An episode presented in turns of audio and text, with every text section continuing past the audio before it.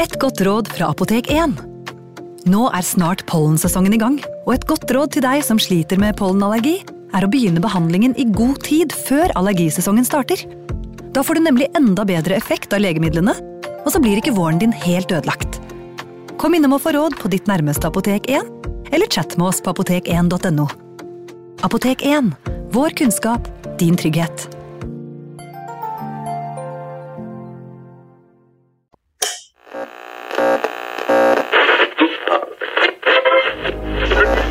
Vi skal gjenta særmeldingen i dag.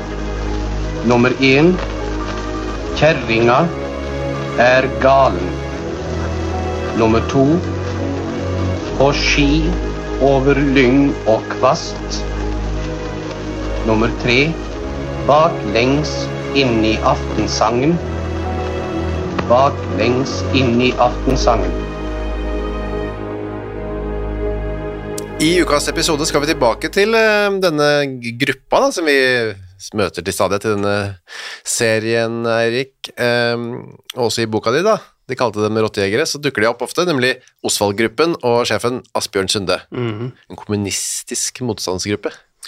Ja, og vi er jo da kommet nå til våren eh, 1944, og nå begynner jo forholdene for, eh, for Osdal-gruppa da, og, og Sunde å bli eh, ganske vanskelig. Det, det de merker i dette området hvor de, hvor de holder til, eh, også Ringerike, Hadeland og, og en del andre steder i Vest-Oppland, så, så merker de at eh, det tyske okkupasjonsregimet, det tyske sikkerhetspolitiet, altså tyske styrker, eh, er kommet veldig tett innpå dem. Det er en voldsom økning av kontroller og aksjoner og, og razziaer og, og flere arrestasjoner av gruppens medlemmer i dette området. Så det ledelsen i gruppa da, og Asbjørn Sunde kommer frem til, er at eh, jakten på dem har blitt eh, trappet eh, voldsomt opp. Og etter hvert nå så blir man enige om at man vil flytte hovedkvarteret sitt fra Einastranda på, på Vestre Toten til et, til et tryggere sted i, i området. Og ehm, Det var ikke noe snakk om å liksom rømme landet eller gi opp. Nei, overhodet ikke. Nei. Men man må finne et sted som er lettere å forsvare. Ja. Et sted hvor de kan få være litt mer i fred.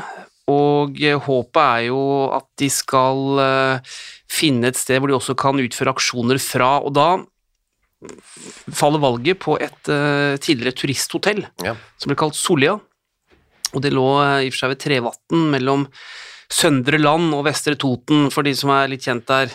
Og denne bygningen kunne de faktisk få leie. Mm. Så eh, de lagde jo da en, en avtale med denne, denne utleieren, og, og, det stedet her, da, Sollia, det lå veldig sånn ideelt til for å skjule en motstandsgruppe. Ja. Så omgitt av tett skog, og de nærmeste naboene, det, det var et godt stykke unna. Så her kunne virkelig Osvald-gruppa få lov til å eh, være i fred, de kunne planlegge nye aksjoner og ha et sted å gjemme seg etter at de var utført. Sa du at det var et eh, tidligere hotell? Turisthotell? Ja, det var et tidligere mm. Turisthotell. Så det var eh, en hovedbygning, og, så var det, og der var det 13 rom, som, eh, altså soverom, i tillegg til røkesalong, peisestue, spisesal, kjøkkenavdeling.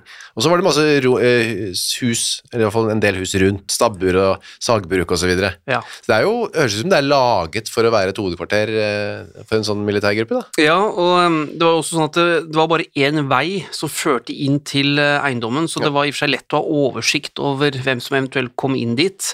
Og um, eh, tyske, den tyske hæren hadde jo beslaglagt, eller rekvirert som det heter, da, eh, dette turisthotellet i eh, 1940, altså Ja. høsten 1940. De hadde vært der allerede, tyskerne. Ja, men det var bare en kort periode, og man vet jo ikke helt hvorfor de flyttet derfra, men det som Asbjørn Sunde pleide å si, var at eh, de tyske soldatene de var så redde for eh, spøkelsene eh, i skogen, eh, Ja. den mørke skogen. Så eh, Riktig, ja. Og eh, flere spøkelser skulle det jo bli, da, etter, som de holdt på der. ja. Og det skal vi komme til nå, egentlig. De rykka inn, eller flytta inn i 1. mai, eh, sier noen. Natt til 1. mai, i hvert fall rundt der, da var det eh, 1944. ja eh, 1. mai, altså natt til 1. mai Mm. 1944, så rykker Osvald-gruppen inn i eh, turisthotellet, for å, for å si det sånn. Men det var, man kunne, og der kunne de altså holde på eh, uforstyrret. Altså, uten at noen sladret, eller tyskerne liksom uh, fikk snusen i at de holdt på det. For det var jo litt sånn aktivitet der, skal man tro. Ja, det var jo preg av å være en, nærmest en uh, militær kommandosentral, Ja. og det som de som var der og som, som overlevde krigen, de fortalte etterpå at uh, det var i og for seg en jevn strøm da, av sabotører som, som kom til, eh, til eiendommen for å få ordre, og de skulle hente utstyr, våpen, penger, forsyninger, eller bare være der for eh, å rett og slett eh, hvile ut etter aksjoner, eller kanskje de måtte ha et sted å gjemme seg. Og denne militære kommandosentralen, som vi kan kalle det, den, det, det, var, det var bra trykk der. Det var full aktivitet døgn rundt. Morgengymnastikk. Ja, man hadde en, eh, en tydelig sånn mil militær disiplin der, for det var obligatorisk morgengymnastikk. Var det Sunde sjøl som eh, leda den? eller? Ja, han var iallfall den som ga beskjed om at den skulle gjennomføres, Ja. og han var med sjøl på alle, det er jeg litt usikker på, men han hadde en veldig streng disiplin. Og um, gruppa ble også etter hvert delt inn i, i enheter eller mindre avdelinger, eh, hvor det var egne ledere, de hadde forskjellige oppgaver, og det var veldig klare sånne kommandolinjer. Så um, Ja, og det var, kunne være opp til 30 stykker der samtidig. De fleste var jo menn, men det dukket også opp noen kvinner der som var en del av gruppa, eller, eller som var der uh, av andre årsaker. Og der fikk de altså være, uten at bli- tyskerne fikk snusen i dem. Ja, en periode så eh, fikk de være der, og det som uh, også man, denne Osvald-gruppen drev med, da, det var jo eh, ulike former for eh, virksomhet som skulle finansiere driften av en motstandsgruppe. Ja. Og noe av det, det handlet faktisk om å gjennomføre bankran. Mm. Så det gjorde de flere steder, og eh, Det var greit, syns de. ja, det syns de var greit. Og de brukte stjålne uniformer fra annet Hirden og politiet, Ja. og brukte skarpladde våpen. Riktig. Og de hadde rana annet på Holte, på Nordstrand i Oslo, men også i eh, Modum, eh, som er da i gamle Buskerud. Ja, og de var ikke noe sånn at de gikk sånn nødvendigvis hensynsfullt frem. Nei. Det var eh, til tider ganske tøffe metoder som ble brukt, og eh, en av dem da, som deltok i, i minst ett av bankranene, det var en, eh, en, et litt spesielt gruppemedlem. Ja. Han var eh, 23 år, het Gynter Skjeskatt, og han var ikke, ikke norsk, men, eh, men det viste seg etter hvert at han var, at han var en, en eh, tysk soldat. Jeg sa selv først at han var fra en østerriksk sånn, eh, overklassefamilie, men det var han ikke. Nei, altså han hadde jo da, ifølge sin egen forklaring da, så hadde han stukket eh, av fra tjenesten, og han sa han da var østerriker, eh, at han eh, var en såkalt feltwebel i Luftwaffe, altså en, eh, en, ja, en sersjant, kan man jo eh, oversette det til. Men i løpet av 1943, om høsten da, så hadde han da ifølge sin egen forklaring til, eh, til Osvald-gruppa og Asbjørn Sunde eh, stukket av fra tjenesten. Altså han var en eh, desertør. Ja. Men det viste seg etter hvert at, um, at det var ikke helt sånn. Det viste seg at han faktisk var, var tysker og kom opprinnelig fra den nordtyske byen Kiel. Ja. Hvor mange har vært? Hadde kjøpt eh, litt Alt mulig. eh, småsaker, ja. Eh, så der hadde han løyet litt. og så hadde han også Han hadde også tilhørt Han, sier at han hadde rømt fra Akershus pga. at han hadde blitt dømt til døden pga. noe sabotasje, og så rømt. Ja. Spennende historie og dramatisk. da, Så hadde han kommet inn i kretsen rundt Peder Furubotn, som var på en måte kommunistsjefen på toppen i Norge på NKP. Mm. Men uh, de ble mistenksomme til Ja. han her. Så det var noe, de syntes det var noe litt sånn eh, ullent da med han. Ja, og da ble også Skeskatt eh, sendt over til, til Asbjørn Sunde, som da fikk beskjed om at denne personen syns vi er litt mistenksom, kan ikke du eh, sjekke han ut ordentlig, Ja. og ta han inn som en, eh, en del av, eh, av gjengen din, men eh, Det høres jo risikabelt ut, da. se hva han er. Ja, for all del, og i disse tider så visste man jo at det var eh, infiltratører, angivere, som opererte mot eh, Asbjørn eh, Sunde og, og, og Osvald-gruppen, og i og for seg også andre motstandsgrupper, så selvfølgelig en, en enorm risiko, men kanskje den beste måten å forsøke å håndtere en sånn risiko på, var å få den tett innpå seg. Ja. Da hadde man en form for kontroll, og så eh, kunne han jo da ja, enten tas livet av, eller, eh, eller sendes over til Sverige hvis man eh, så at dette faktisk var da en, eh, en angiver. Han fikk dekknavn Gunnar Borgen, Ja. og han, han jobba litt som kokk, blant annet. ja, han jobbet som kokk og var jo også da med på minst et av disse, disse bankranene. Han, Han ble faktisk også ettersøkt av de tyske okkupasjonsmyndighetene. Og um, han sto oppført der som en, en desertør, men det kan jo ha skjedd f- ja, rett og slett fordi han var øh, på oppdrag for dem. Men det kan også være sånn at det faktisk var sant. Ja. Det vet vi ikke helt. Så er det et eh, si, skritt i gal retning for eh, herr Scheskat. Han, eh, det ble nemlig et eh, innbrudd i, eh, hos lensmannen i Lunder, som også er en nabolag der oppe, da, av Osvold-gruppen, en- hos lensmannen eh, som heter Arnold Margido Kjærvik. Og der finner de noe som eh, noen slags indisier. Ja, det var ikke tilfeldig at man uh, brøt seg inn hos Kjærvik. Han hadde jo tidligere arbeidet i statspolitiet, altså han var jo da mm, en uh, Vidkun Quisling-tilhenger, Ja. og var jo veldig aktivt med i, uh, i Nasjonal Samling, og var også veldig ivrig i jobben sin, så han eh, la ned store ressurser da, i å bekjempe motstandsgruppene i, eh, i det distriktet her. Og under innbruddet i lensmannskontorene, der finner jo da medlemmer fra Osdal-gruppa dokumenter som de tar med seg, som åpenbart inneholdt en del hemmelige opplysninger. Og i de dokumentene så finner da Asbjørn Sunde etter hvert, når han får dem, eh, det han mener er bevis for at eh, Günther Scheskat var en infiltratør, infiltratør. Og tilhørte da en tysk etterretningsorganisasjon, den militære eh, etterretningsgruppa, eller organisasjonen, som, eh, som ble kalt Abwehr. Og de, ble, de mente også at de fant et bilde da, av Scheskat i en eller annen mappe. Så hvis det stemte, så um, var jo dette her det de mente var klare beviser for at de hadde da en eh, angiver, altså en tysk infiltratør på innsiden av Osvald-gruppa. Ja, for- Selvfølgelig en ekstremt alvorlig situasjon. Ja, og han Sunde mente at det, fordi de syntes at han hadde, Kjærvik hadde så god oversikt over hva de holdt på med i Osvold-gruppen. Ja. Og det var liksom, da var dette forklaringen, da, at de hadde en infiltratør i gruppa. Ja, de eh, mente jo nå at de de hadde klare beviser for at de var i, eh, i eh, nærmest i dødsfare Ja. ved at eh, de kunne bli utsatt da for angiveri eh, fra skjeskatt.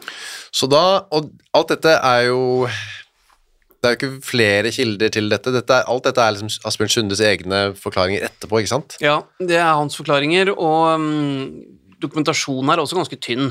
Vi vet faktisk ganske lite, og det har heller ikke vært så lett å spore opp han, eh, han Skjeskat i, i noen dokumenter, men, eh, men det som skjer da, det, det sier seg jo litt selv her. Um, Man kan ane hvor det bærer.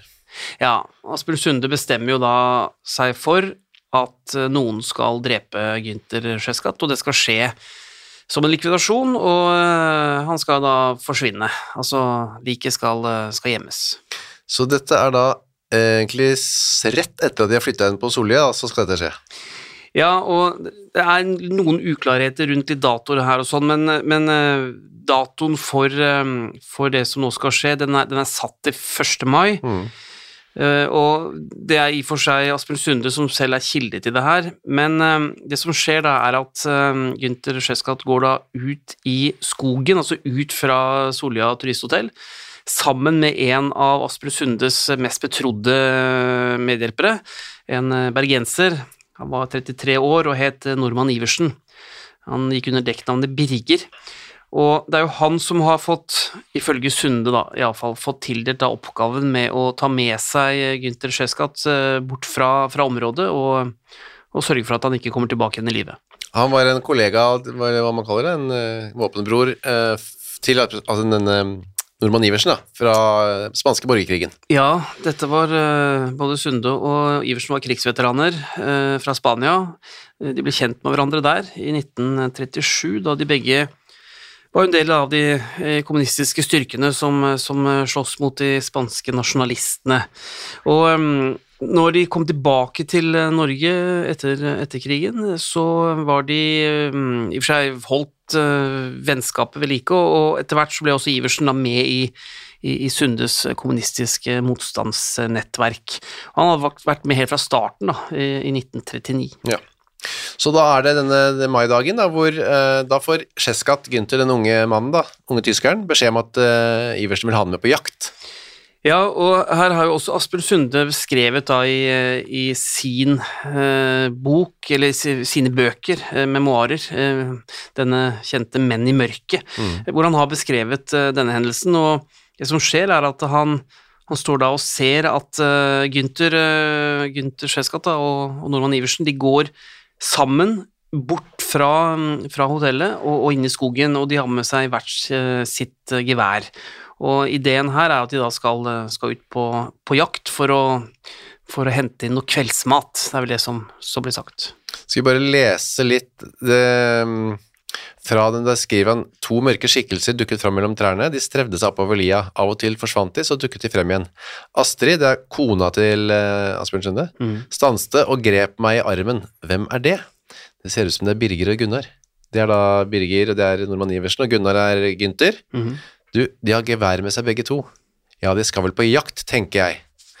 Hei, Birger og Gunnar, hvor skal dere hen? ropte hun. Birger lagde Robert med, Robert med hendene. På storviltjakt, finfin kråke til kvelds. Og så går tida, så, kommer de, så går, blir klokka snart elleve, og barnet, lille barnet til Astrid og um, Asbjørn ligger og sover um, i vuggen sin. da. Han var en baby.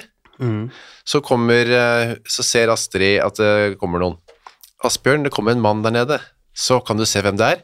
Ja, det er Birger, han er alene.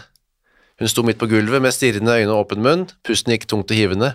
Asbjørn, hvisket hun, dere har, dere har. Ja, han var betalt tysk spion. Så det var det.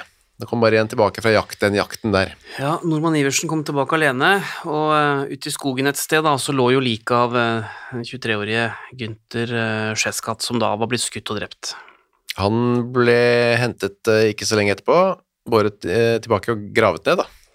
Ja, de lagde en, eh, en grav til han eh, i en myr nedenfor eh, en låve da, inne på, på dette Solja-området, og eh, liket ble vel eh, funnet eh, noe senere. Men det har jo lenge blitt diskutert altså i, i ettertid om Gunther Scheskat virkelig var en angiver, eller om dette her var egentlig en, eh, en eh, historie som Asbjørn Sunde fant opp etterpå, for å da forklare denne hendelsen.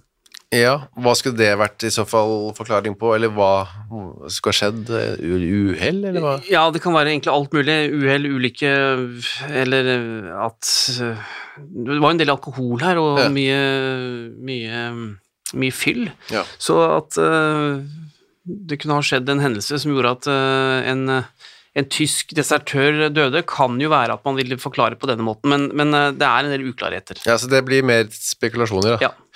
Men ifølge Asbjørn Sunde igjen, da, for det var folk som reagerte på dette, også innad i gruppa, da. Ja, for det, det er noen tråder her, da. Altså, hvis han virkelig var en angiver, hvorfor hadde han ikke da rapportert inn tidligere at Osvald-gruppen skulle opp til Solja, eller at de var kommet dit? Mm. selv om det i og for seg skjer da i de samme dagene hvor man flyttet over, så, så er det en del ting som, eh, som gjør at det er i hvert fall grunn til å stille spørsmål om det. Altså hva, hva var det egentlig som foregikk, og hvorfor varslet de ikke, eller hvorfor stakk ikke denne, denne tyske øh, angiveren, hvis han var det, da, hvorfor stakk han ikke av?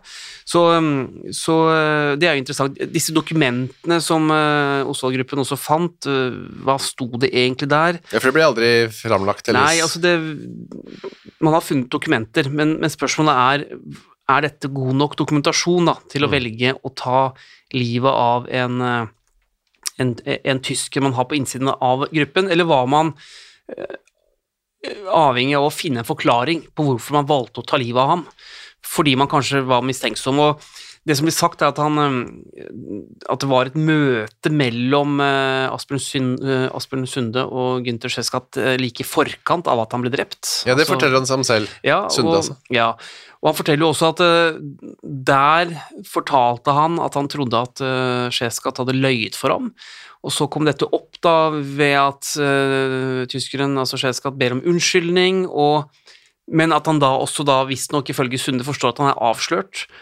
Og så pakker han sekken, og det er, det er- er når de forstår det, at de skjønner at han nå vil forsøke å stikke av, og det er jo da de tar den avgjørelsen. Så det er noen løse tråder akkurat i den hendelsen her. Ja, fordi det som skjer Først så kommer han, ifølge Asbjørn Sunde, så kommer Gunnar inn, så har han et papir som han har skrevet noe på, så gir han Han klarer liksom ikke å si det Mm. eh, med munnen, da, som han eh, har skrevet det ned. Der står det At det var løgn at han, Nå leser jeg igjen fra Asbjørn Sundes bok, da. Sittet som, som en i din. Dødsdømt fange på Akershus. Han har stukket fra Aker sykehus. Det var løgn at han var østerriker. Faren var internasj, internasjonal svindler og eventyrer som hadde gitt sønnen en slett oppdragelse. Jeg foldet papiret sammen og puttet det lommen.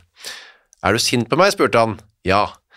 Han bøyde seg ivrig mot meg, øynene bønnfalt. Men du skjønner da hvilken jævlig situasjon jeg var i. Hadde jeg fortalt sannheten, ville dere sparket meg ut. Hadde tyskerne fått tak i meg, ville de ha pint meg i hjel. Ja, det er all right, dette skal bli mellom oss. Han hadde tårer i øynene han rakte meg neven. Takk, dette skal jeg aldri glemme, du kan be meg om hva som helst. Eh, men dette er jo da Har Hans Sunde liksom bestemt seg her allerede eh, for å drepe han, eller hvordan Ja, i- iallfall så De tar hverandre i hånda, Ja. og så eh, gir jo Sunde inntrykk av at nå er saken ferdig. Men eh, det er jo da etter denne samtalen at Sunde da skal ha gitt beskjed om at Gynter Skedskat skal likvideres. Og da, tror- da får han beskjed om at han skal pakke med seg en sekk, og da finner eh, i den sekken Astrid, kona til Sunde, eh, ting som tilhører andre eh, gruppemedlemmer. Ja, det er jo da når han pakker denne sekken, eller at hun undersøker den, da, Ja. men eh, han hadde, hadde da pakket den på forhånd. Og det er der de, de, de mener de har beviser for at han vil forsøke å stikke av. Og um, dette påståtte oppdraget var jo selvfølgelig da bare, bare oppspinn, men eh, for Sunde så ble det jo da i og for seg nok en, et, en bekreftelse på at uh, Skedskat da sannsynligvis var en, eh, en angiver. Uansett så ble han skutt da den 1. mai 44. Ja, og det er jo Normann Iversen som har blitt utpekt som den som utførte det, men eh, det er også en annen person som knyttes til denne likvidasjonen. Det er en 28-årig jernbanearbeider som heter Erland Hovde. Han eh, kom fra Modum, hadde dekknavnet Moland, og eh, han eh, ble faktisk arrestert av det tyske sikkerhetspolitiet i september 1944, og så ble han dømt til døden og, og henrettet eh, 10. februar 1945 på Akershus eh, festning. Eh, han fikk jo da naturlig nok aldri forklare seg om det her, men, eh, men noen peker på han som også en da som, eh, som kan ha utført likvidasjon, eller iallfall var- var med på å, å få det gjennomført. Så man vet egentlig ikke noe mer enn dette. Nei, altså, som jeg nevnte, så, så ble jo liket av uh, Gynter at det ble gravd opp etter frigjøringen. Uh, litt sånn uklart når det skjedde, men uh, jeg har sett et bilde da, av dette gravstedet, og det er jo datert i juni 1946. Ja. Og så ble han uh, seinere gravlagt på eh, Hov kirkegård, og så ble den graven uh, seinere flyttet eh, til Oslo. Det som, det som er spesielt med Hans Skedskat, er at han er altså ikke å finne da, i registrene til den tyske krigsgravtjenesten, eh, Volksbund Deutsche Kriegsgräberversorge. Altså der burde navnet hans stått hvis han hadde vært en, en eh, soldat som eh, hadde blitt borte, Ja, okay. eller rømt. Altså det var jo også desertører som havnet der. Hva kan, det, hva kan det komme av at de ikke han står der? Eller hva skyldes det? Nei, det er, det er jo det rundt han her som er litt spesielt, og det er eh, en del tråder som det ikke har vært mulig å, å nøste inn. Men han står nå da fortsatt på oversiktene over eh, personer som er likvidert av den norske motstandsbevegelsen under krigen, og derfor er han også med da i, eh, i, i boken de kalte dem rottejegere. Men kan det være at han het noe annet, da? Det må nesten være det, da. Ja, det kan være det. Eller så var han ikke soldat. En av de to, da. Det kan være litt forskjellig at han, at han var kun i tjeneste for det tyske sikkerhetspolitiet, men da har man gjort en veldig dårlig jobb i å sjekke papirene hans når han kom over som desertør, for man hadde jo tilgang til en del dokumentasjon da også. Så um, han kan være en, uh, en person som uh, er fjernet fra registrene fordi han var desertør, altså det er mange forklaringer på det her. Uansett så, eh, så er han en av de litt mystiske personene som står på likvidasjonsoversiktene. Og en av eh, de skjebnene som er omgitt av eh, litt eh, uklare og mystiske omstendigheter, som vi skal stifte flere bekjentskaper med, da. sånne type skjebner som hvor man ikke vet helt hva som skjedde, og hvorfor det skjedde, eller på hvilken måte ting skjedde. Ja, det kommer en del av dem etter hvert som frigjøringen nærmer seg, og man begynner å kanskje ha litt andre kriterier for hvem man ønsker å likvidere. Men hvordan, kan du si bare om det helt til slutt, hvor eh, liksom, pålitelig er Asbjørn Sunde? Har man liksom gått inn. Er det noen vurderinger på det? Overdrev han, eller løy han, eller i disse memoarene sine? Altså, jeg har iallfall brukt en del av, eh, av hans memoarer og gjengitt dem, og de er utrolig godt skrevet. Mm. Selv i dag så er det jo spennende å lese det han forteller om, og måten han skriver på. Men det er nok også lett å se at han eh, kan nok ha Altså det er veldig detaljert, veldig sånn levende fortalt. Og det kan jo være fordi det, han har en ekstremt god hukommelse, eller at han er en veldig god forteller og kanskje la på litt der det passet seg sånn. Mm. Det er noen med å huske så detaljert i et drapsøyeblikk hva en person nøyaktig sa og gjorde, eller hva de som står rundt og så på, sa og gjorde, eh, som er med på å, å, kanskje se at Asbjørn Sunde nok eh, Han visste hvordan, han skulle skrive noe for at det skulle bli eh, en, en god tekst. Han hadde lest sine krimbøker, han også, som vi har vært borti før her. Det hadde han nok. Eh, eller det hadde han åpenbart. Mm. Så, um, men samtidig så er det jo mye av det som Iallfall det jeg har gjengitt og brukt fra ham, som jeg har sjekka grundig og ikke funnet at det er noen, noen faktiske feil. Nei, så det er ikke ren diktning. Nei, og skrev han at det var tåke, og så har jeg faktisk sjekket noen av de værrapportene Ja. og sånn, og det var faktisk det.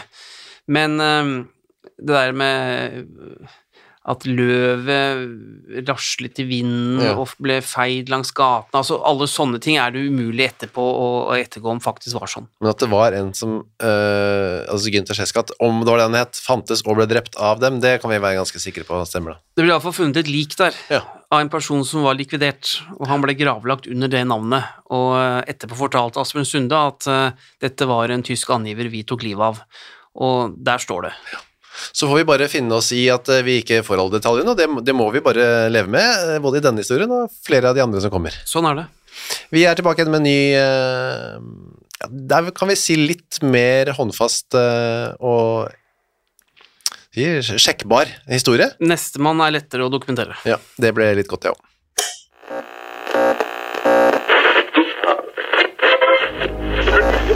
Vi skal gjenta særmeldingen i dag. Nummer én Kjerringa er galen. Nummer to På ski over lyng og kvast. Nummer tre Baklengs inn i aftensangen. Baklengs inn i aftensangen.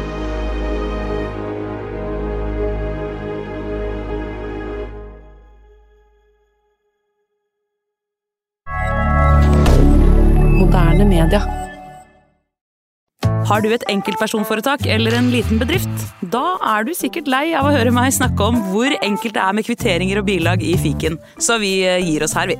Fordi vi liker enkelt. Fiken superenkelt regnskap.